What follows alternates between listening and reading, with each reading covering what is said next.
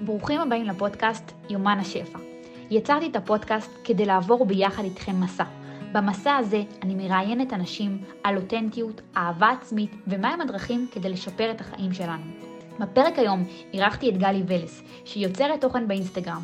דיברנו על אפילפסיה, איך מתמודדים איתה, מהם הדרכים להפסיק ביקורת עצמית ואיך באמת אפשר להגיע לאהבה אמיתית. אני רוצה להגיד איזו מילה על זה שאני מתרגשת. מאוד מרגש, גם אני מתרגשת. בעיקרון אני מסתכלת על כל הפעילות שלך באינסטגרם, ואני חייבת להגיד שבאופן אישי את השראה בשבילי. לא משנה מה עברת ומה את עוברת ביום-יום, את ממשיכה לעשות ואת מאוד מאוד מתמידה. מלא אופטימיות, הכל יהיה בסדר, זה יסתדר. זה כיף לשמוע את זה כזה מבחוץ, כי לפעמים את מעלה תכנים, יש כזה קצת צרצרים, ואת אומרת, אנשים אהבו, אנשים לא אהבו, איך אנשים תופסים אותי כאילו מבחוץ, אנשים שלא מכירים אותי, וזה מה זה כיף לשמוע את הפידבקים האלה, זה מרים, תודה. הייתי רוצה לחזור איתך אחורה, לפני שאת, אה, מה שנקרא, אושיית רשת. בהתהוות. אגב, איך את עם ה... זה מה שעולה לי עכשיו, איך את עם הטייטל הזה שאת אושייה? כמעט 4,000 עוקבים. זה המון, זה באמת, במיוחד שהיום אנשים משלמים מלא כסף וממומן בשביל להגיע לקהילה שהיא באמת איכותית וטובה. איך זה מרגיש לך? תראי, בגדול לגבי המילים אושיית רשת, אני כאילו לא אוהבת את זה, את המילים האלה, כי זה כאילו, אה, זה משהו מורם מעם כזה, כאילו, אני יותר מכם, אני האושייה, כאילו, אני לא סובלת את המילה הזאת באמת. אני חושבת שכאילו פשוט יש לי איזושהי דעה שלי, איזשהו דרך חיים, וזה הדרך שלי לבטא את זה, יש לי, אה, זה הפלטפורמה שאני יכולה להביא את עצמי לידי ביטוי. ובעצם לפנות לעוד קהלים ולעוד אנשים שביום יום אני כאילו, אין לי סיכוי להגיע לכל כך הרבה בנות ולדבר איתן ולהגיד להן את הדברים האלה שאני חושבת ולהשפיע. אז אני חושבת שזה כאילו משהו שמאוד מאוד נותן לי את האפשרות הזאת, במיוחד שאני גם ילדה יחסית ביישנית. אז כאילו, יש דברים שמאוד מאוד חשוב לי להשפיע ולתת, וכאילו, זה כלי שהוא ממש נותן לי את האופציה לעשות את זה. וככה אני רואה את זה, כי... כבעצם עוד דרך לעזור לאנשים, ולא אושיית רשת. מעניין. אז, אז את יותר מתמקדת במה את יכולה לתת, מאשר עכשיו אני בן אדם חשוב ותכבדו אותי. אה, כן, כן. תראי, לכל אחד יש את זה שזה קצת מדגדג באגו, שכאילו, אוקיי, אני מבינה מה עושים פה, אני יודעת, אני, כאילו, יש לי קהילה, אוהבים אותי וזה. אבל אני מאוד מנסה, כאילו, את יודעת, לא להיות במקום הזה של אני יותר ממכם. כי בסופו של דבר, בואי, לכל אחד יש מה לתת, וכל אחד אה, הוא טוב מעצם היותו. אז כאילו, זה ש... אוקיי, אז אני עושה את זה באינסטגרם, זה לא אומר שאני יותר טובה ממישהי אחרת שלא עושה את זה באינסטגרם, מבינה? Mm-hmm. לפני שאנחנו מדברים על מה שאת היום, אני רוצה כזה, קצת לח, לחפור אחורה כזה, לתקופה של התיכון. איך זה היה לך? וואו, התקופה של התיכון הייתה תקופה מאוד מאוד אה, אינטנסיבית וקשה. הייתי במקום שלא התאים לי גם מבחינה דתית, מבחינת אהבה, מבחינה חברתית. היה לי מאוד מאוד קשוח. כל התקופה של התיכון עברתי שני בתי ספר, ובשניהם היה לי כאילו אינטנסיבי. הרגשתי שאני לא כל כך מוצאת את עצמי, אני לא מצליחה להביא את עצמי לידי ביטוי, לא היה לי מספיק עמוד שדרה כדי לעמוד על הערכים שלי, על הדברים שחשובים לי, אה, וזה הוריד אותי לקרשים. גם מבחינת הצוות, אה, הצוות החינוכי שלא לא הסתדרנו בכלל, גם מבחינת החברות, שהיה שם גם איזשהו אה, לחץ חברתי שלא הצלחתי להשתחרר ממנו. תקופה שאני לא, לא שמחה בה כל כך. הייתי אומרת שאני רואה אותך היום, אני רואה בן אדם שמאוד אוהב את עצמו, מאוד דואג לעצמו, גם בזמנו היה לך את זה? את העניין של אהבה עצמית? זה משהו שכבר אז היה לך? וואי, לא.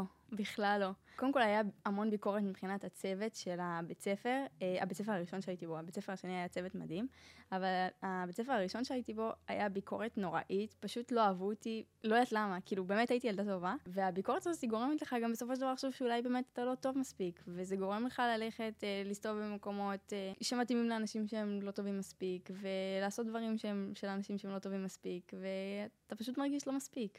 את מסיימת את התיכון, סיימת י"ב, או שפרשת לפני זה?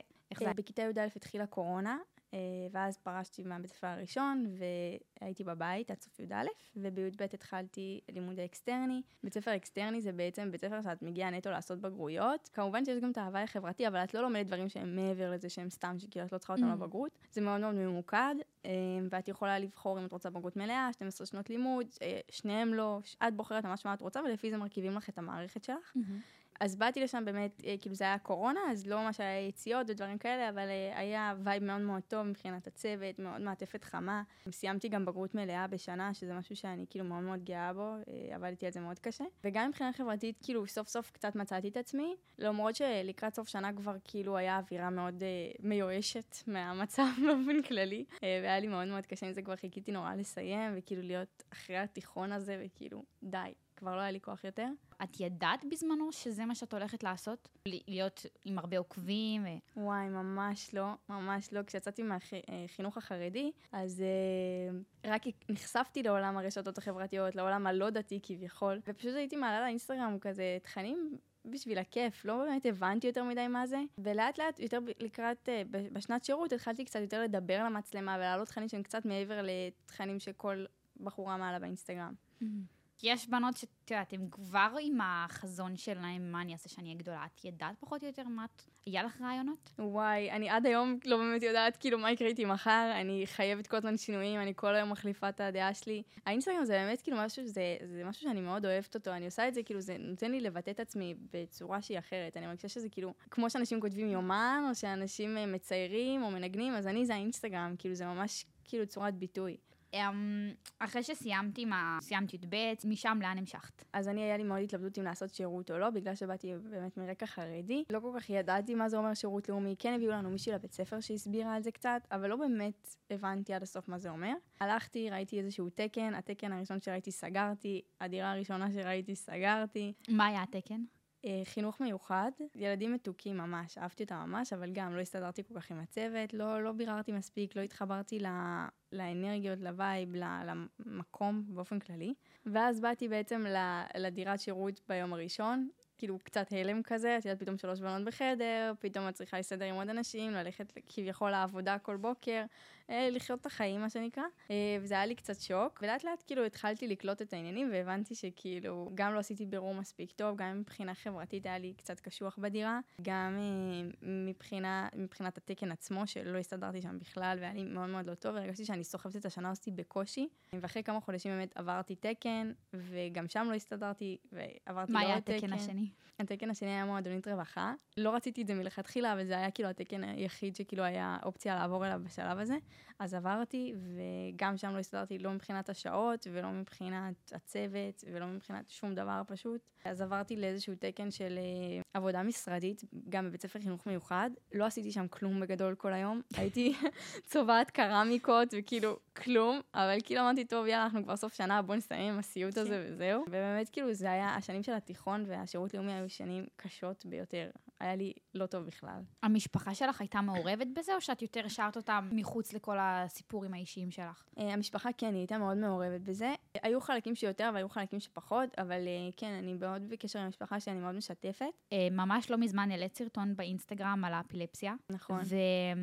ואיך זה בשבילך? אה, האמת זהו, אז התחיל לי באותה תקופה שבאמת עם כל התיכון והכל, הייתי ממש בעומס נפשי, מרוב שכל הזמן הרגשתי שהבית ספר רודף אחריי, מבחינה חברתית שהיה לי מאוד מאוד קשה, זה באמת העמיס עליי מאוד נפשית. יום בהיר אחד קיבלתי התקף, הייתי עם חברות, הם לא הבינו מה קורה, זה באמת היה אירוע אה, רב נפגעים, אירוע טראומטי לכולם, אבל אה, הבנתי באותו רגע שהנפש שלי כבר לא יכולה להכיל את זה יותר, וכל פעם שכאילו נכנסתי לאיזושהי מצוקה נפשית, אז קיבלתי עוד התקף ועוד התקף. אז בזמנו שהמצב שלי היה באמת לא טוב, אז קיבלתי קיבלתי התקפים אה, יחסית בתדירות אה, יותר גבוהה ממה שאני היום. ובאמת, מאז שעזבתי את התיכון ועזבתי את השירות לאומי והתחלתי קצת להיכנס למסלול חיים שאני יותר בוחרת בו ורוצה אותו, מאז לא היה לי התקפים, שזה, וואו, זה הישג מבחינתי. אז המצב הנפשי בעצם הוא, זה ממש קשור ישירות לזה. אני מאוד מאמינה שכל מחלה, באופן כללי, אבל בעיקר בעיקר מחלות שהגוף תוקף את עצמו, כמו סרטן, כמו אפילפסיה, זה מחלות שהן חד משמעית נפשיות, אה, על רקע נפשי. אם מטפלים בנפש והנפש רגועה, זה גם מתבטא מבחינה בריאותית בחוץ, זה מה שאת אומרת כן, בעצם? כן, זה כמו שבן אדם מטפל בנפש, אז מן הסתם יש לו יותר אנרגיות, הוא יותר שמח, יותר בא לו להיות עם אנשים. כן, אז הגוף גם פחות, זה כמו חדשקונים, שיוצא חדשקון, אז פה יוצא חדשקון גדול,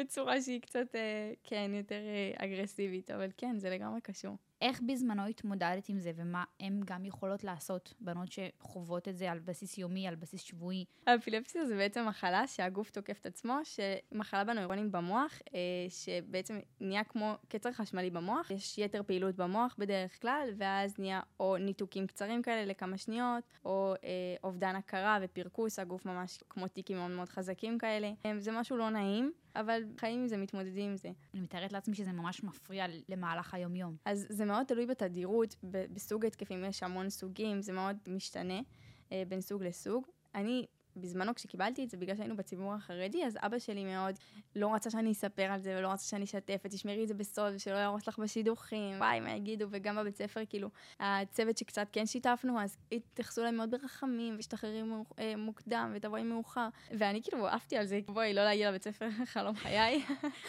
אבל אה, הקטע של הסתירה לי מאוד קשה, כי אני בן אדם שמאוד משתף, לא, לא עשה לי טובה לא לשתף. ולאט לאט החלטתי שברגע שיצאתי גם מהעולם החרדי בעיקר, שגם שם יש מאוד השפיטה הזאת לגבי מישהו שהוא לא מושלם, mm-hmm. כביכול, אז uh, התחלתי לשתף את זה וזה עשה לי טוב. זה מי שאני, ומי שלא טוב לו, ביי, אתה לא חייב להיות בחיים שלי. ז, זאת אני, לא עשיתי שום דבר רע לאף אחד, אני לא צריכה להתנצל על זה. ואני חושבת שזו גישה שכל אחד צריך לאמץ בחיים שלו, כל עוד לא עשית משהו שהוא פוגע באף אחד, נולדת עם איזשהו מום, יש לך איזשהו חוסר, זה מי שאתה. אם אין לך איך לשנות את זה, אם אין לך איך לעבוד על זה, ש- שאנשים סביבך יצטרכו לקבל את זה, אתה לא צריך לבוא ולהתחנן בפניהם שיאהבו אותך, שיקבלו אותך. זה מי שאתה. מי שלא טוב לו, הוא לא צריך להיות בחיים שלך.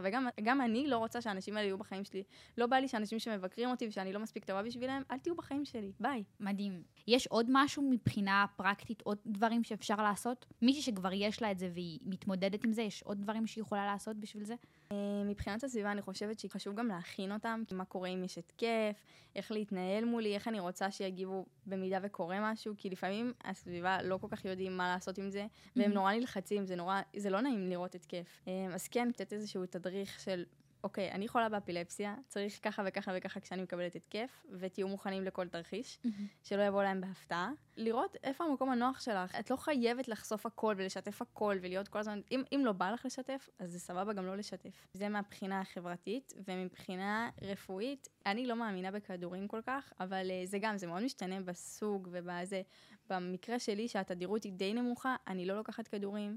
אני חושבת שאומגה 3 זה ממש טוב, זה מאוד בריא למוח, יש בזה המון שמנים uh, טובים, בריאים. כמובן שהכל, את יודעת, עם המלצה של רופא, אל תעשו שום דבר כי אני אמרתי, אני לא רופא ואני לא זה, אני אומרת על סמך מה שאני ניסיתי על עצמי, אבל זה בגדול.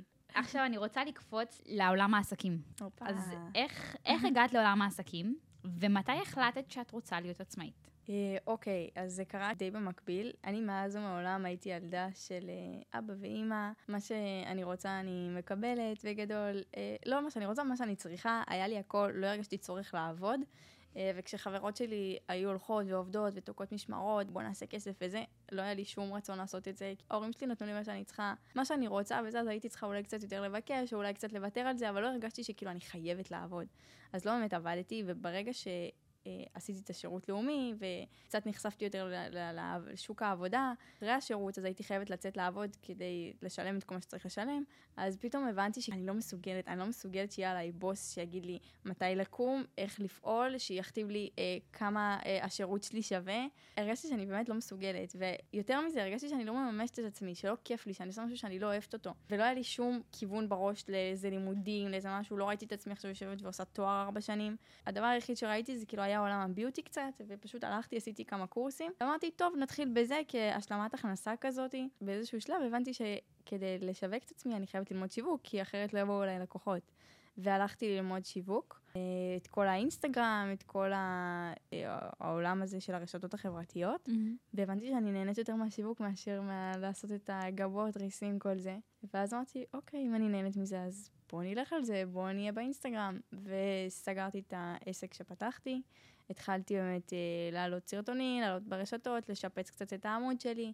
ולאט לאט התחלתי אה, לחפש את עצמי בתוך התחום, התחלתי בהתחלה לעבוד עם עסקים אה, בניהול סושיאל, הבנתי שזה פחות אני. היום אני עובדת בעיקר אה, בצורה של אה, UGC מול חברות, בעלי עסקים. מה זה אומר בעצם, UGC? בעצם UGC זה חוות דעת גולשים. מה הכוונה? זה בעצם אה, כל בן אדם שהוא גולש ברשת, אה, הוא יכול לעשות איזשהו סרטון המלצה למוצר. אה, זה יכול להיות, אם אני לא טועה, אמריקן איגל עשו את זה פעם אחת, שהם אמרו שכל מי שמעלה איזשהו outfit מהבגדים שלהם, מתייג אותם ופשוט שמים אותו, שמים אותו בעמוד שלהם. וזה בעצם אנשים רנדומליים, זה אנשים שיכול, שיכול להיות להם 30 עוקבים גם, או 0 עוקבים. עצם זה שאני גולש ואני שם את המוצר שלכם אצלי בעמוד, זה נקרא תוכן גולשים. היום עושים את זה בצורה קצת יותר מקצועית, של אה, אנשים שיודעים קצת טכניקות שיווק, ואנשים שמתעסקים בזה, הם בעצם מקבלים מוצר והם עושים עליו איזושהי חוות דעת ממבט של לקוח. החוות דעת היא גם, היא מאוד אותנטית, זה על פי דברים טובים שיש במוצר.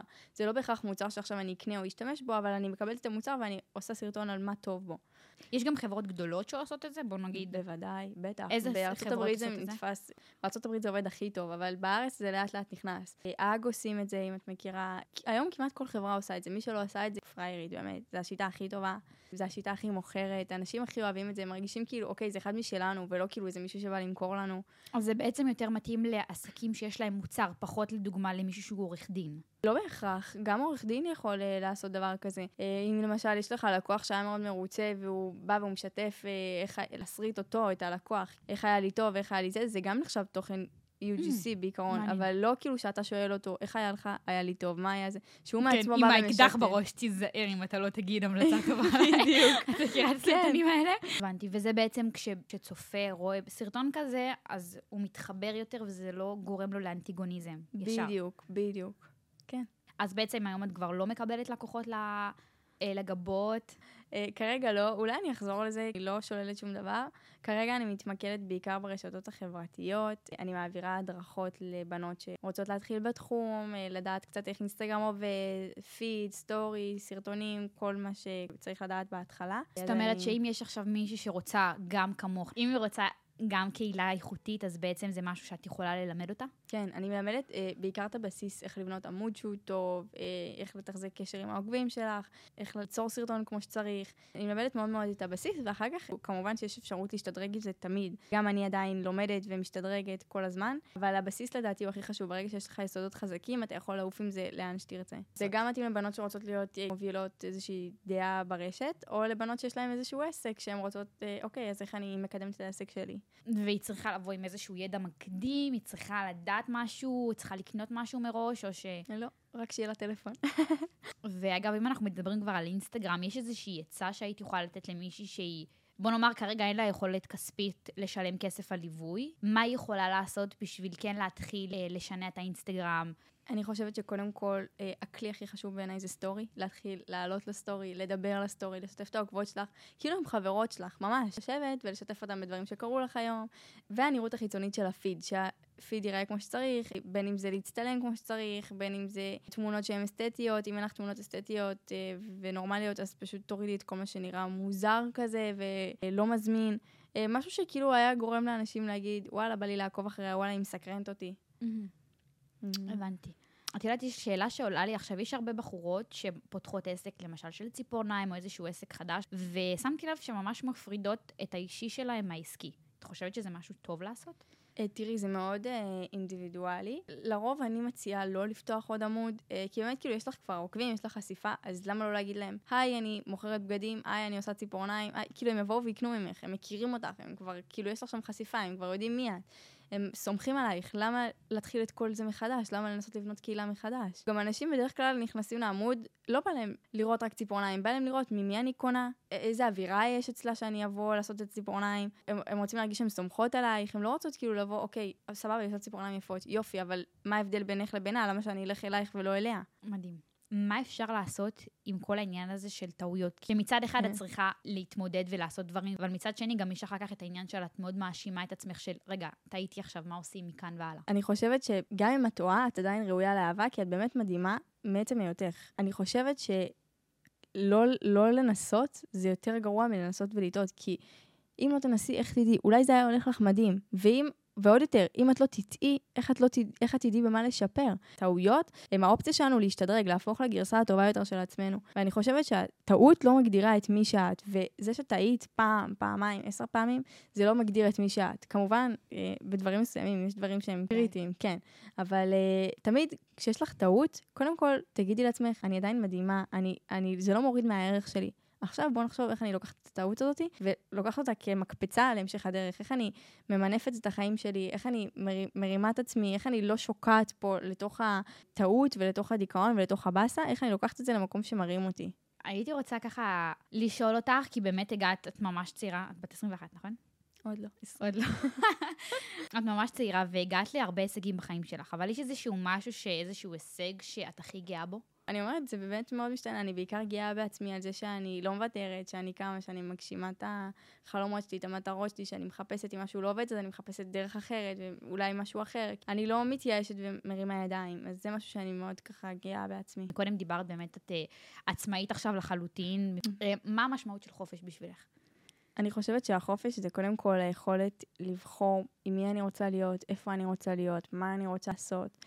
אה, נכון שלפעמים יש אילוצים של החיים והחיים מגבילים ואתה לא תמיד יכול להיות בדיוק מה שאני רוצה, איך שאני רוצה, אבל שבאופן כללי יהיה לך את האפשרות לבחור ולהחליט ולקבל החלטות בשביל עצמך ושלא מישהו אחר יחליט בשבילך. מה זה אהבה עצמית בשבילך? אני חושבת שקודם כל, אה, אני עברתי עם עצמי מאוד תהליך של להבין רגע מה זה אומר לאהוב את עצמי. ובתוך התהליך הזה, אני הבנתי, אה, עשיתי סדנה של בעצם שבוע ימים, שרק אחרי הסדנה, בדיעבד, אחרי כמה חודשים, פתאום נפל לי האסימון מה זה אומר, שבעצם יש בתוכי איזושהי ילדה קטנה, שעוד לא התבגרה. גלי הקטנה, שהיא נמצאת שם, ויש לה רצונות משלה, ורגשות משלה, ותחושות משלה, אה, וטראומות. היא דורשת את היחס הזה, ואת לא יכולה להשתיק אותה ולהתעלם ממנה. את חייבת לתת לה רגע את המקום שלה. אם כואב לה, להיות שם בשבילה. אם היא שמחה, להיות שם בשבילה. לדאוג לה, לחבק אותה. וברגע שאת קשובה לילדה הפנימית שבך, קודם כל את מרגישה הרבה הרבה יותר טוב, כי לא נערמים לך הר של רגשות שאת מדחיקה, ואת פשוט אוהבת את עצמך, כי את מקבלת את כל הרגשות האלה, את מבינה שיש פה צורך כמו של ילד קטן. גם אני עדיין ילד קטן. אני אף פעם לא אהיה המבוגר החזק והחסון וההר אדם שיכול להתמודד עם כל דבר. אני עדיין יש במקום פגיע, במקום ש... אנושי שצריך את ה... צריך להרגיש וצריך לחוות אה, ולחבק אותו ממש כאילו פיזית. אני לפעמים יושבת וכאילו מחבקת את עצמי כשאני מרגישה שאני צריכה את החיבוק הזה, וזה מאוד עוזר. אה, כמו שלא היית נותנת ביקורת אה, מאוד קשה לילדה קטנה, כמו שלא היית צועקת עליה בטירוף או מתנהגת בצורה אה, לא נעימה, ככה את צריכה כלפי עצמך לזכור שיש שם ילדה קטנה שיושבת ולדמיין אותה ולראות אותה בראש שלך, בעיניים שלך, שהיא פה. ועכשיו אני אקבל את הטעות שהיא עשתה, אני אבין אותה, אני אולי אחשוב איך אפשר לשפר ולתקן, אבל אני לא אעשה את זה במקום של כעס, במקום של שנאה עצמית. זו נקודה ממש חשובה, מה שאת אומרת עכשיו על העניין של לחבק את הילדה הפנימית, כי לפעמים בתור, במיוחד בתור בנות שהן עצמאיות, אז אנחנו מאוד... לפחות אני באופן אישי, כל הזמן הייתי מאוד מלכה את עצמי. לא קמת מספיק מוקדם היום, לא ככה, לא ככה, לא ככה. אני חושבת שכן צריך למצוא את האיזון בין המבוגר לילד. נכון, יש בי ילד, אבל אני בן אדם מבוגר. אני, אני כן צריכה להיות אחראית למעשים שלי, ואני כן צריכה אה, לדחוף את עצמי, להתקדם ולהיות עם משמעת עצמית ומוטיבציה, אבל אני גם צריכה להיות עם סלחנות ועם אהבה. ובאמת לעשות את הדרך הזאת בצורה שהיא מאוד אה, מחושבת, מאוד זהירה. אה, שלא תפגע בך בסופו של דבר, שהיא תגרום לך להתקדם ולהעצים את עצמך, והיא לא תשאיר אותך מאחורה. פעם היית יותר ביקורתית ממה שאת היום? אני חושבת שאצלי זה כאילו עבודת חיים. אני, אני חוויתי קצת ביקורת מהסביבה שלי, אמ, אז אני חושבת שזה כאילו שריר שקצת התפתח בי מגיל צעיר, mm-hmm. ואני עובדת על זה כל הזמן, זה עבודת חיים. כל פעם אני ביקורתית בנקודות אחרות, ואני מנסה לעבוד על עצמי שם. אני יודעת שאני עושה את המקסימום שאני יכולה לעשות בפרק זמן הקצר שיש לי להעלות את הסרטון הזה, כי אני בדרך כלל מצלמת כל יום את הסרטון שאני הולכת להעלות באותו יום, ואז אני צריכה גם לערוך אותו ולעשות לו כתוביות. אם אני מספיקה לעשות את זה מראש, מדהים, אבל בדרך כלל אני לא מספיקה ואני עושה את זה כל יום, באותו יום, ואתה... כאילו, אני בן אדם, יש לי עוד מלא דברים אחרים שאני עושה במהלך היום, והזמן שלי מוגבל, היכולות שלי מוגבלות, ואני צריכה להיות צלחנית כלפי עצמי. בסדר, אז הסרטון לא ספץ, יבואו סרטונים אחרים. ואם את תרגישי שאת לא שלמה איתו ולא רוצה אותו, תמחקי. מקסימום ת, תסריטי אותו שוב פעם, תעלי אותו שוב פעם, אנשים לא באמת תמיד זוכרים מה בדיוק ילד, וכאילו, בסדר, הכל טוב. מעניין. היה לך, או אפילו יש לך עדיין את המחשבות של מה חושבים עליי, איך אני נראית, האם הסרטון הזה, כאילו, יש לך עדיין את זה, או ש... ברור, לכולם יש את זה. אה, זה תלוי גם כאילו מול מי. למשל, מול המשפחה שלי, הרבה יותר, אני אקח באופן אישי את הביקורות שלהם, הם יגידו לי, תשמעי, וואלה, הסרטון הזה והזה לא היית צריכה לעלות, או שהם uh, יצחקו עליי, או דברים כאלה, אני, יהיה לי שם הרבה יותר עבודה עם עצמי, מאשר אם סתם איזה מישהו ירשום לי אה, איזושהי תגובה מאיזה חשבון פיקטיבי. אוקיי, סבבה, אז הוא כתב. So what. אמ, אבל זה גם, זה עבודה. בהתחלה שאתה נכנס לרשתות החברתיות, אתה, וואי, מה זה כל הביקורת הזאת? מה אנשים רוצים ממני? מה עשיתי? סך הכל באתי דעה. כאילו, לאט לאט אתה, אתה קולט את האנשים ואתה אומר, אוקיי, אנשים שרע להם בחיים שלהם, הם מורמרים, רוצים את התסכול שלהם עליי, בסדר. בעיקר זה כאילו מול המשפחה, שצריך לעשות שם איזושהי עבודה של להגיד, אוקיי, זה דברים שלהם שמשליכים עליי בדרך כלל, זה לא באמת קשור לתוכן שלי, וגם אם אמרו משהו על התוכן שלי, סבבה, אז בוא נשמע מה יש להם להגיד, אולי אני יכולה להשתפר, למה זה כל כך מפריע לי שאומרים לי את הביקורת הזאת? למה זה נתפס בעיניי כדבר כל כך שלילי? אולי זה לא דבר כל כך שלילי. מקודם דיברנו על אהבה עצמית. מה מישהי שמרגישה שאף אחת לא רוצה להיות איתה בקשר, יכולה לעשות כדי לשנות את המצב הזה? אה, אני חושבת שקודם כל באמת לאהוב את עצמך. ברגע שאת אוהבת את עצמך ואת עובדת על אהבה עצמית, איך אני יכולה באמת לאהוב את עצמי בלי להיות תלויה באנשים אחרים, אז קודם כל, את לא תלויה באנשים אחרים. לא אכפת לך אם הם אוהבים אותך או לא אוהבים אותך, את אוהבת את עצמך, טוב לך עם עצמך, מי שלא אוהב אותי, בעיה שלו. Uh, דבר שני, בדיוק השבוע מישהי שלחה לי הודעה שהיא שאלה אותי על זה, כאילו היא uh, כל החיים שלה מרגישה שלא אוהבים אותה, והיא נותנת את הנשמה שלה לאנשים מסביבה ולחברות, והיא עדיין מרגישה שלא אוהבים אותה ודוחים אותה ולא רוצים להיות בסביבתה. אז באמת עניתי לה, ואני חושבת שזו נקודה שכולנו uh, צריכים לשים לב אליה, שברגע שאת אוהבת את עצמך, שטוב לך עם עצמך, אז אנשים סביבך יאהבו אותך גם. אני חושבת שגם אהבה עצמית זה עבודה שהיא יומיומית, זה אף פעם לא משהו שהוא נגמר. עד גיל 100 תצטרכי בעזרת השם, את תצטרכי לעבוד על האהבה העצמית הזאת, כי כל פעם זה יהיה בדברים אחרים, ואת צריכה לעבוד על זה גם בדברים הכי הכי קטנים שיש לך. גם אם עכשיו הצלחת משהו שהוא נורא נורא קטן ולכאורה לא אה, משמעותי, אבל ברגע שאת מעריכה את עצמך, זה כמו שאימא נותנת לילד קטן הערכה, אז מבחינתו זה עולם ומלואו, גם אם זה משהו נורא נורא קטן, גם אם הוא עשה משהו נורא לא משמעותי לכאורה. אה, ואני חושבת שאהבה עצמית מתבטאת גם הרבה פעמים בנראות החיצונית. הרבה אנשים יגידו, וואי, הנראות החיצונית זה לא חשוב, תאהבי את עצמך איך שאת. אני לא מסכימה עם זה. אם את לא אוהבת את המשקל שאת נמצאת בו, אם את לא אוהבת את המשהו בפנים שלך, לכי תשני את זה. למה לא? אני חושבת, זה לא אמור להגיע כתחליף לאהבה עצמית. את צריכה קודם כל לאהוב את עצמך. אבל אם עדיין, אחרי שעשית את התהליך של האהבה עצמית, שבסך הכללי את אוהבת את עצמך, מסתכלת במראה, את אומרת, וואלה, איזה שווה אני, וואלה, איזה בחורה מגניבה אני, את מסתכלת על עצמך, את אוהבת את עצמך, את חושבת שאת בחורה טובה ושווה ומגניבה, ויש משהו אחד קטן שיגרום לך להרגיש טוב יותר, אז למה לא לעשות אותו? בא לך לעשות ניתוח אף? שברי את האף, תעשי ניתוח אף. אם זה יגרום לך להרגיש עוד יותר שווה ממה שאת, למה לא? אבל שזה לא יבוא במקום.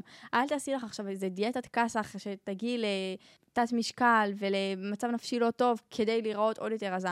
תאהבי את עצמך גם עם המשקל הנוכחי, ואז תעשי תהליך נורמלי של ירידה במשקל בצורה בריאה, בצורה של ספורט, בצורה של תזונה נורמלית, כדי להגיע למשקל האידיאלי מבחינתך, כדי לאהוב את עצמך עוד יותר.